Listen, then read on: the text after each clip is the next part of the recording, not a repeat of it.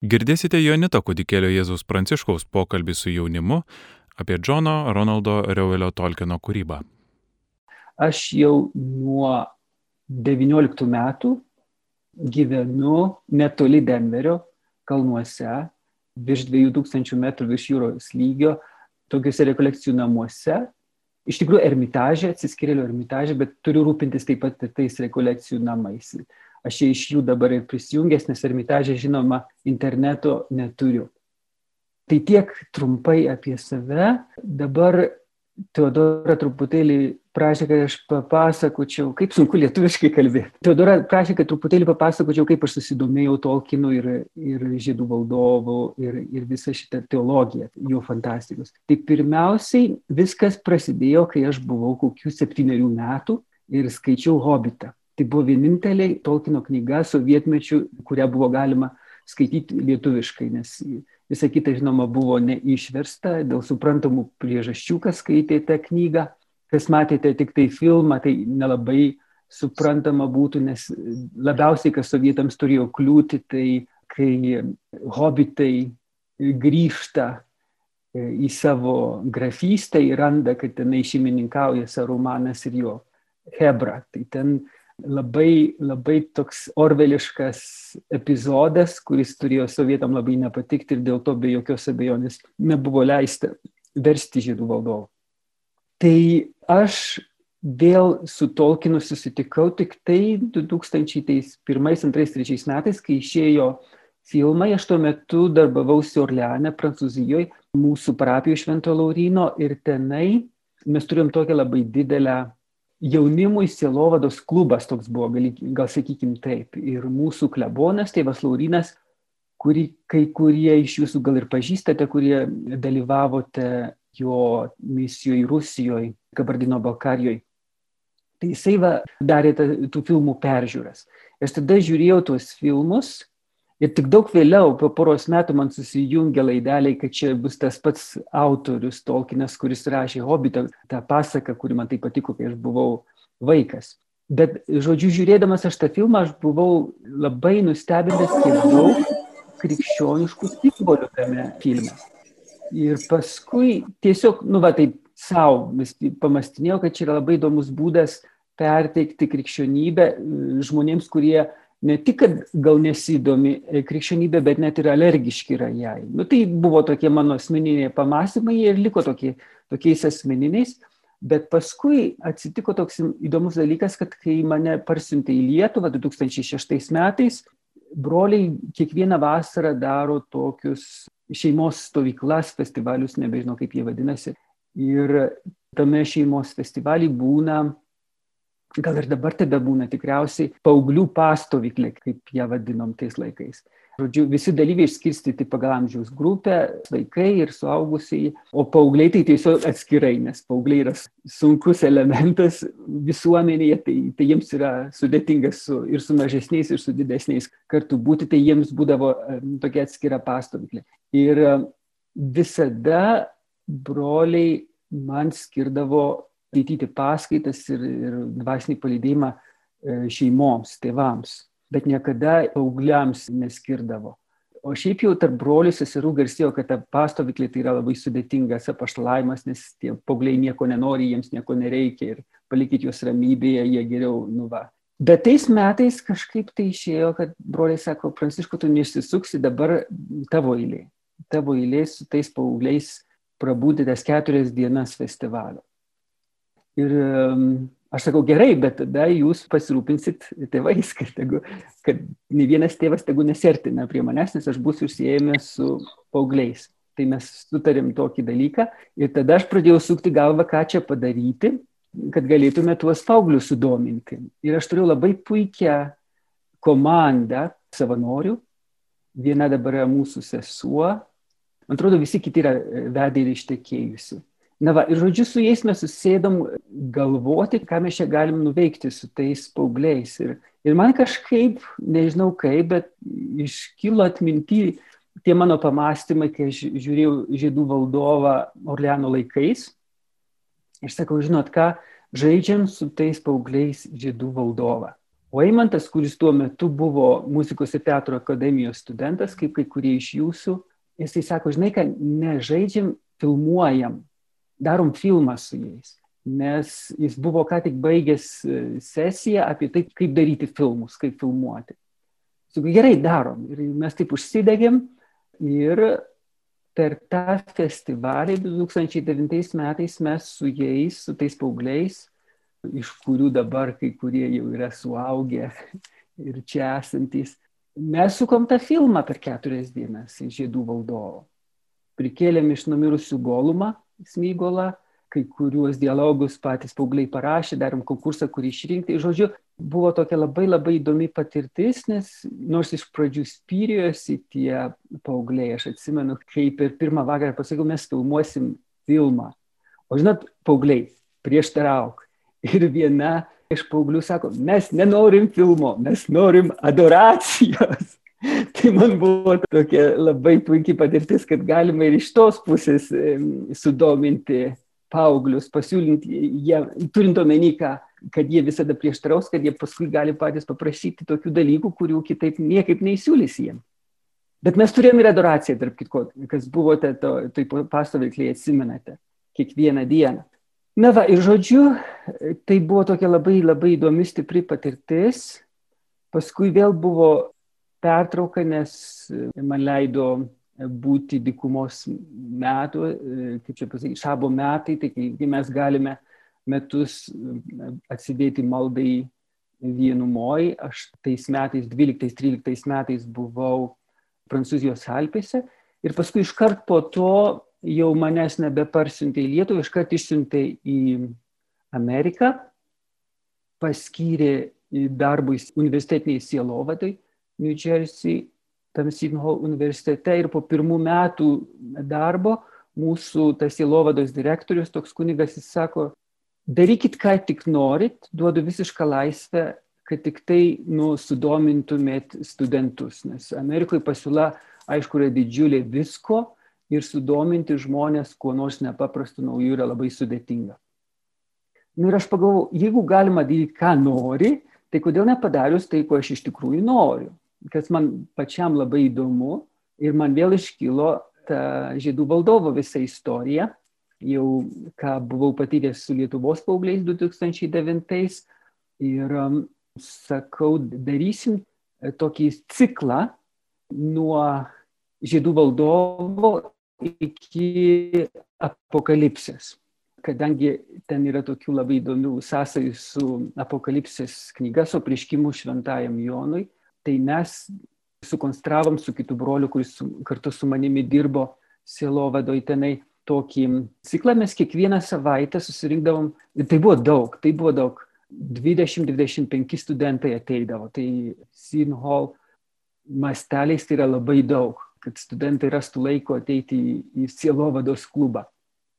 Nes kitą veiklą, kokią broliai ar sesiai siūlydavo, tai būdavo nu, penki, nu, septyni žmonės ateidavo, čia buvo 25. Ir mes kiekvieną savaitę susirinkdavom pasižiūrėti epizodo iš vieno iš filmų, maždaug 20 minučių, ir paskui likusias 40 minučių būdavo diskusija. Tai išgliaudenti tą epizodą iki, iki pačių smulkmenų, atkasti visą ten esančią krikščionybę, simbolius ir, ir prasme, vis, viską.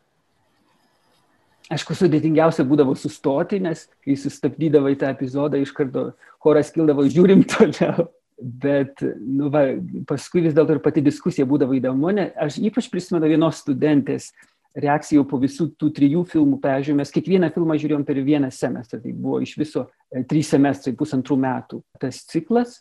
Jis sako, žinai, tai yra vienas mano mėgstamiausių darbų, bet niekada nebuvau patikėjęs, nu, ta prasme, Tolkieno šitą knygą, bet niekada nebūčiau pagalvojus, kad yra tokia giliai krikščioniška šita kūryba. Nu, ir paskui su tais jau ištikimiausiais, kurie iki galo buvo ir labai, labai užsidegę buvo, norėjom, mes padarėm tokią piligriminę kelionę į viduržėmę, kitaip sakant, į Naująją Zelandiją, kur tie filmai buvo filmuojami Jacksono aišku, iš Lietuvos dabar gal jau ir įmanoma padaryti, bet tais laikais tikrai būtų buvę per brangu. Čia Amerikoje yra visai kitos galimybės, kitas finansavimas ir, ir sponsorių pagalba didelė.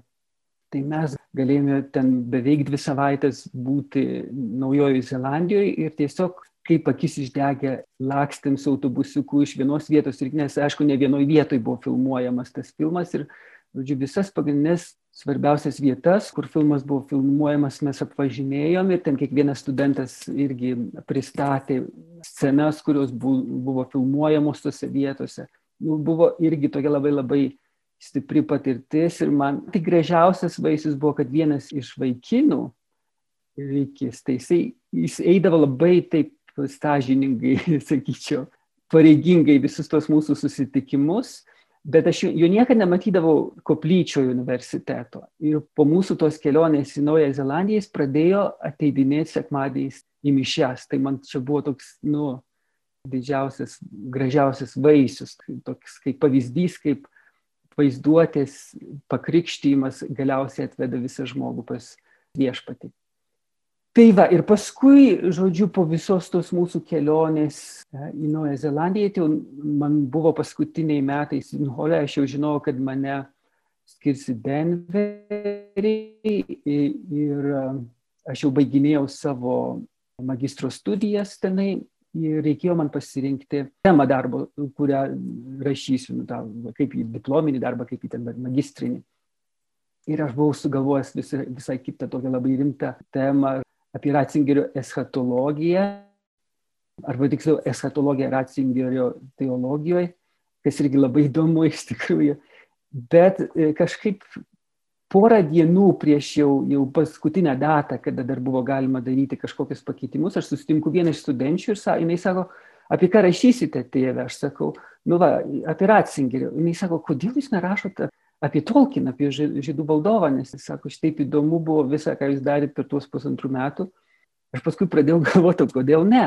Susitikau su dekanu, sakau, aš atsiprašau, o viskas jau buvo suderinta, jau ir tema buvo suderinta, ir darbo vadovas paskirtas, šių literatūros sąrašą buvau pradėjęs rinkti, o, o, o va, nubaužėjo tą idėją ir aš sakau, tėve, ar sutiktumėt, kad aš pakeiščiau temą ir rašyčiau iš Tolkino. Jis pasižiūrėjo į mane, nu tokia kaip iš medžio iškritusi. Bet Amerikoje kažkaip, nu, žmonės labai, labai laisvi labai atviri visokiom netikėtom iniciatyvom. Jisai Sako, jo, kodėl ne, tik tai problema, sako, kad mes neturim specialisto šitos ryties, būtent tau, nes aš e, studijavau sisteminę teologiją ir sisteminiai teologijai nei vienas dėstytojas šituo nesidomėjo, bet sako, mes turim biblistą, tai pasaulietis buvo Gregory Glazov, jis yra rusų žydų disidentų sūnus, jie dar, jis pats Glazovas man pasakos, kai buvo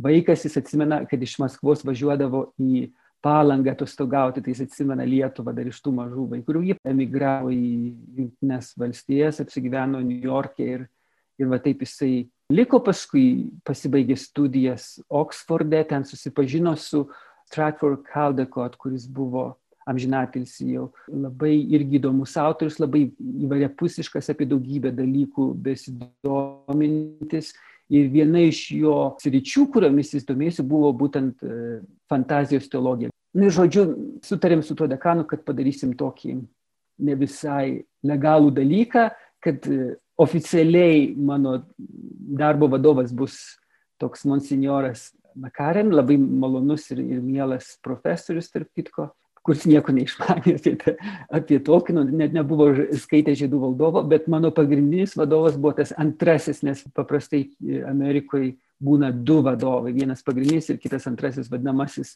lektorius, skaitytojas.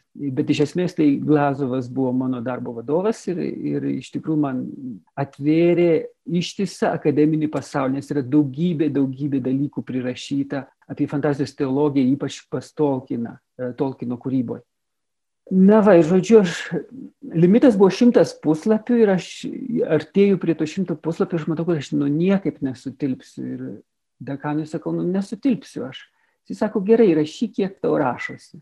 Bet vis tiek ne per daug. Tai galiausiai išėjo virš 120 puslapių tas darbas ir vis tiek, vis tiek, nu, likau toks sufrustruotas, nežinau kaip čia pasakyti. Nes, nu, nepasakiau vis tiek visko, ką galėjau, ką mačiau, nes nu, tiesiog užkabini, užkabini tos klodus, bet giliau ir neišeina, nes nu, ribota apimtis tų puslapių.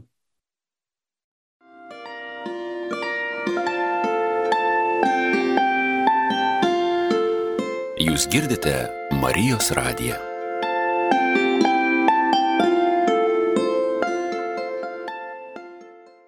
Ir paskui jau, kai buvo čia diplomų įteikimas, ne, tai aš grįžau į New Yorką iš Denverio ir jau po tų įteikimų diplomo Glasovas sako, dabar sako, tau reikia iš to padaryti knygą.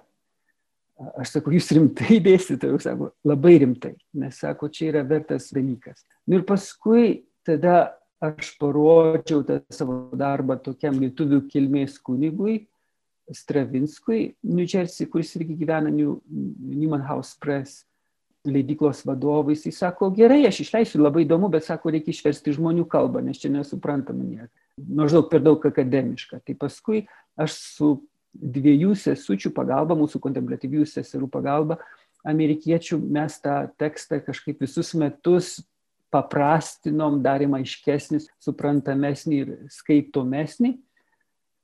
Ir galiausiai 19 metais aš kaip tik prieš jos išleidimą, tik ją išleidus lankiausi Lietuvoje, kai kas gal atsimenat, buvo pristatymas vienuolynę. Rūpiučio 15, kaip dabar atsimenu, aš manau, niekas neteis, nes laisvadienis vidury vasaros, o salė buvo prisirinkusi, nu va, buvo tikrai labai daug žmonių. Na va, ir nuo to laiko aš vis dar turiu vilties tęsti toliau tas studijas, parašyti visą tai, ko negalėjau parašyti dėl apimties ribojimo, bet kol kas nerandu tokio universiteto, kuris sutiktų, kad visos studijos būtų vien tik tai internetu, nes žinoma, kaip atsiskyrėlis, skamba čia taip įdomiai, atsiskyrėlis, nelabai galiu išvažiuoti kur nors, įskyrus į miestą maisto nusipirkti. Bet tai va, kol kas neradau tokio universiteto, kur galėtų. Yra toks Domunijų universitetas, Dominikonų universitetas visiškai internetinis. Ir e, aš buvau pabandęs prisibesti pas juos, bet jie sako, mes neturim specialistų, tokios temos tikrai negalėsim. E, va, nes kol kas, nors kaip sakiau, yra ištisas akademinis pasaulis apie tai, bet vis tiek universitetuose dar nėra labai labai paplitusi tyrinėjimų sritis. Tai tiek mano būtų prisistatymas. Tai aš dabar žiūriu į Teodoros atsiųstą šitą planelį, kuo 21 amžiaus sandoroje mus gali patraukti Tolkino asmenybė. Man atrodo, žinot, kas įdomiausia su Tolkinu. Jis buvo iš tikrųjų labai aukštos klasės mokslininkas. Tokių mokslininkų kaip jis buvo tikrai vienetai pasaulyje. Jos rytyje, lingvistikos rytyje suprantama, universiteto profesorius ir jis yra vienas iš tų didžiųjų tikrai gigantų, sakykime, taip tos ryties, kaip Sisliuvis, pavyzdžiui, irgi. Jie būtų buvo pirmiausiai va šitų lingvistinių studijų mokslininkai. Bet ir vienas rytis tapo labai garsus dėl to, kad jie pradėjo rašyti ne tik tai mokslinius straipsnius, bet ir nu, va, visokius tokius kitokius. Ir jie ten, tikriausiai žinot, susibūrė tokį inklingų klubą, kur po paskaitų tokioj e, užeigoj jie vandindavo jį, man atrodo, a bird and a child, paukštis ir, ir vaikas. Nors iš tikrųjų oficialus tos užeigos pavadinimas buvo kažkaip erelis ir berniukas kažkas tokio, aš nebesimenu tiksliai, bet nu, jie, jie jie pasišaipydami vadindavo bird and a, and a baby, kažkas tokio. Žodžiu, jie ten susirinkdavo ir vienas kitam skaitydavo, ką jie nu, būdavo sukūrę. Nes jie jau turėjo tą idėją, kad reikia, jie matė, kad pasaulis jau tada, ketvirtas dešimtmetis, žodžiu, kad pasaulis tikrai įvėda netinkamą, negerą linkmę ir kad reikia kažkaip tai daryti tokią intelektinę revoliuciją, gražinti žmonės prie tiesos ir prie gėrio, būtent per grožį. Tai man atrodo, va čia ir yra įdomiausias bruožas, kuris tebėra labai aktualus ir 21 amžiaus pradžioje ir, ir, ir įdomus, manau, mums tuo, kad tas žmogus, mokslininkas, kur užuot buvęs nu, va, sausas savo srities specialistas, kur jį gali, būtų galėjęs suprasti tik keli kiti tokie patys specialistai visam pasaulyje, ne? nes jie ten susišneka tik tai savo tais sudėtingais terminais. Jisai, va, užuot apsiribojęs vien tuo savo ieškojimu, tyrinėjimu sritimi, kadangi jis tikrai mylėjo, mėgo savo darbą, jis tiesiog prasiveždavo ir į jo laisvalaikį. Būtent tu pirmiausiai, taip kitko visai ne istorijų kūrimu, o kalbų kūrimu. Jis pirmiausia sukūrė kalbas, tas elfų kalbas. Sindarin ir Valakuenta, tas irgi kaip įdomiai senoji elfų kalba ir maždaug modernioji elfų kalba, viduržėmės elfų kalba, palyginus su, to, su tais elfais, kurie Valinorė gyveno. Ir paskui kas esate skaitę knygas arba net žiūrėję filmą, tai esate girdėję, nes filme yra keletą epizodų, kur aktoriai kalba tą alfų kalbą, kaip nuostabiai švelni ir tokia melodinga, tikrai tokia dainuojanti kalba, labai graži, ausiai klausytis. Elen sila lumeno mentielvo, pirmieji elfų kalba žodžiai pasirodantis žydų valdove, kai Frodas ir jo draugai susitinka pirmosius elfus dar grafystai, kai jie keliauja, jau iškeliavus iš Hobitono. Ir žodžiu, jisai suprato, kad tos gražios kalbos niekam nebus įdomios, jeigu jūs bus tik tai kalbos, išskyrus nu, kitiems tokiem patiem pamišėliam dėl kalbos kaip Tolkienas. Ir jisai sugalvo, kad reikia įvilgti tas kalbas į istoriją, sukurti erdvę, toms kalboms, kur jos galėtų reikštis. Ir šitai prasidėjo ta visa istorija. Hobitas, tarp kitko, buvo parašytas visiškai nesu ta intencija. Patys pirmieji Tolkieno bandymai iš tikrųjų buvo tai, kas vėliau tapo Silmarilionu, kas jau buvo išleista tik po jo mirties, nes jis niekaip taip ir visą gyvenimą nesugebėjo susintetizuoti to, to milžiniško, milžiniško mitologinio pasaulio, kurį jis sukūrė, pradėjo kurti būdamas 20 metų iš tikrųjų pirmieji Silmariljono istorijų apmatai buvo, kai buvo padėti, kai Tolkienui tai buvo 20. Ir e, jisai rašė tą Silmariljoną per visą gyvenimą, čia jau buvo pagrindinis svarbiausias nu, va, jo gyvenimo tikrai hobis ir, ir dievukas ir kas tik taip pasakytų. Hobitą jis tiesiog parašė savo vaikams iš tikrųjų. Nu, va, kaip pasaka vakare pasiekti jiems einant gulti visiškai be jokių planų išleisti. Ir paskui aš iš tikrųjų keletą versijų esu girdėjęs, skaitęs, tai nežinau, kuri tikra yra, bet istorija tokia, kad maždaug, kai rankraštis atsirado jo leidėjo rankose, tas leidėjas parodė savo sūnui septyniarių metų. Ir tas vaikas paskaitė, sako, tėti leisk, nes čia bus anšlagas. Ir taip iš tikrųjų buvo išleidus, nes tas leidėjas labai abejojo, kam čia bus įdomi ta pasaka. Bet kadangi jo sunus labai užsidegė ir sako, taip, taip, tai būtinai reikia išleisti, iš tikrųjų tai tapo, nu, va, tokiu pasaulio bestselleriu. Ir tu šituo jau buvo pradėta prašyti, kad skaitytojai pradėjo prašyti, kad tesinys būtų. O kadangi Tolkienas buvo baisus krapštukas, perfekcionistas, pavyzdžiui, pirmuosius skyrius žydų valdovo, žiedo brolyje, jisai yra perrašęs be ne 25 ar 27 kartus nuo pradžios, iš naujo tiesiog. Jis prašydavo, netinka, padeda ir iš naujo vėl viską parašo. Tai įsivaizduot, koks tai buvo nu, tikrai daniškas darbas. Ir, ir išėjo tas teisinys tik tai po 30 metų. Reiškia, kai tie vaikai, kurie skaitė Hobbitą, buvo 70 metų, jau buvo 40 mečiai. Bet ir vėl iš karto milžiniškas anšlagas. Ir aš net iš pradžių nežinojau, aš tik tai pradėjau studijuoti šitą reikalą ir gilintis į jį.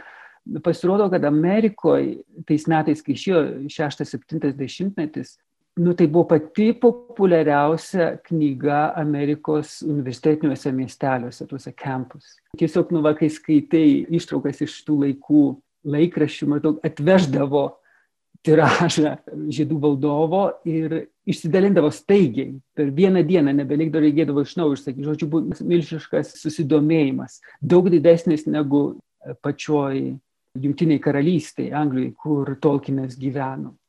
Nes nu čia irgi būtų galima gilintis, kodėl taip yra, nes iš tikrųjų Anglijoje buvo labai didelė, tokia didelis intelektinis pasipriešinimas Tolkieno žydų valdovų, nes tie intelektualūs rašytojai, kabutėse, nu aš sakau kabutėse, nes man tai jie tokie, žinot, kai iš didelio rašto išeina iš krašto žmonės, jie tiesiog nekentė Tolkieno kūrybos, tiesiog nekentė. Ir Aš sakau, čia būtų labai, irgi buvo, man buvo labai įdomu pamatyti, kaip va, šitoks veikalas išprovokuoja emocijas. Ir kai 2000 metais Britai rinko amžiaus knygą ir buvo išrinktas žiedų valdovas, tai ten pasipylė nu tokių nepykantos pilnų straipsnių iš tų kvazi intelektualų, kad nu, irgi ten yra atskira knyga, tarp kitko, sudėtas kai, apie ta, tas reakcijas. Atsiprašau, broli, bet... Tai, tarp kitko, antrajam va šitoj va vietoj, ja. kadangi jau pradedat truputį, jeigu leisite, aš tada, na, kad uh, įsiterpsiu truputį uh, su vienu klausimu, pavyzdžiui, jau, nes jau paminit tą, tą priešiškumą jo ir dėl, ir dėl laiko, ir dėl to, kad galbūt yra ir daug tų klausimų, tai vat, pavyzdžiui, vat, vienas klausimas, taip skambantis. Tolkino grožinė literatūra lengviau pasiekti vidutinio vakariečio širdį ir jį sudominti Dievu negu vidutinio Lietuvos katalikų bažnyčios kunigo pamokslu ar teologiniu tekstu. Sutikite, paprieštaraukite arba kitaip sureaguokite. Tai va čia gal susisieja na, apie tą, kaip sakote, kad buvo skirtingai vertinama ir iš dabartinės perspektyvos. Labai hipotetiškas klausimas, nes klausimas būtų, kiek tas vidutinis vakarietis gali turėti galimybės uh, susipažinti su lietuvių kunigo pamokslu. Tai čia toks labai hipotetinis klausimas. Aš sakyčiau, labai, labai priklauso. Gal, kad nesumaišytume tų, gal aš supaprastinsiu tą klausimą, gal sakykim taip, ar, ar būtų lengviau vidutinį vakarietį sudominti Tolkieno kūrybą, negu kokio nors ten pamokslininko pa, pamokslų bet kurioj tai lemda bažnyčioj vakarų. Nu, sakykime, netgi taip geroj bažnyčioj, nes čia irgi, kaip ir visas pasaulis, visa Amerika pasidalinusi į liberalus ir konservatorius, taip ir bažnyčia, jie, jie Amerikoje yra superliberali arba superkonservatyvi. Ta superkonservatyvi daug konservatyvesnė negu Lietuvos bažnyčia, pavyzdžiui. Tai nežinau, kurie čia prasme sakyti, bet nu va, kad kur yra geras pamokslas ir ir tokį. Nes tai labai sunku pasakyti, nes tas vidutinis vakarietis labai tokia neiški figūra. Vienas vidutinis vakarietis būtų Amerikoje, visai kitas būtų vakarų Europoje. Arba Europos Sąjungoje, kaip čia dabar pasakysim. Nes pragyvenus jau greit septynerius metus Amerikoje, aš tikrai galiu matyti, kad labai didelis kultūrinis skirtumas yra tarp Europos ir, ir, ir Amerikos. Amerikoje vis tiek žmonės, e, ypač tie, kurie laikosi konservatyvių pažiūrų ir, ir vertybių, jie yra daug mažiau pagadinti ne tos laiko dvasios, kai, kur Europoje, nes Europoje liberalizmas yra klaikiai išplitęs. Ir aš, kai kalbu apie liberalizmą, aš kalbu tą negatyvęją prasme. Amerikoje taip dar nėra, dar tik pusė Amerikos yra tokia tarp kitko, tie Amerikos liberalai, ko gero, yra dar radikalesni negu Europoje. Tai čia labai sunku vėlgi pasakyti, kuris iš tikrųjų tas vidutinis vakarietis būtų. Bet aš sakyčiau, kad jeigu imtume tokį, nu, va, konsumeristinį vakarietį, kuriam viskas paboda, kuris nieko nebenori, tai ko gero, ko gero, vėl labai taip stereotipiškai imtum, jeigu imtume, jį ko gero labiau domintų vis tiek kūryba, Tolkino konkrečiu atveju kūryba, negu pamokslas bažnyčioje, nes yra tokia a priorinė nuostata, kad nu, tai yra senos, nuobodžios babučių pasakos ir tu iš bažnyčios nieko įdomaus negali gauti. Nu, toks stereotipas visuomeniai. Aišku, tie, kurie yra tikintys, jie žino, kad yra labai puikių labai įdomių pamokslininkų, gali tiesiog nu, va, klausyti ir klausyti. Bet vidutiniam vakariečiai tai nežinomi tokie dalykai yra. Jeigu ir jie žino, tai gal tik tai apie tokias legendinės figūras kaip Billy Graham ir, ir panašiai. Ja, tai labai sunkus atvejis. Aš sakyčiau, kad vis dėlto tam, kuris nėra labai religingas, vis dėlto kūryba būtų, Tolkieno kūryba būtų įdomesnė negu kunigo pamokslas, be abejonės. Aš nežinau, ar, ar gerai supratau klausimą, bet jeigu gerai supratau, tai mano atsakymas toks būtų. Girdėjote Jonito kudikėlio Jėzaus Pranciškaus pokalbį su jaunimu apie Džono Ronaldo Reuelio Tolkieno kūrybą.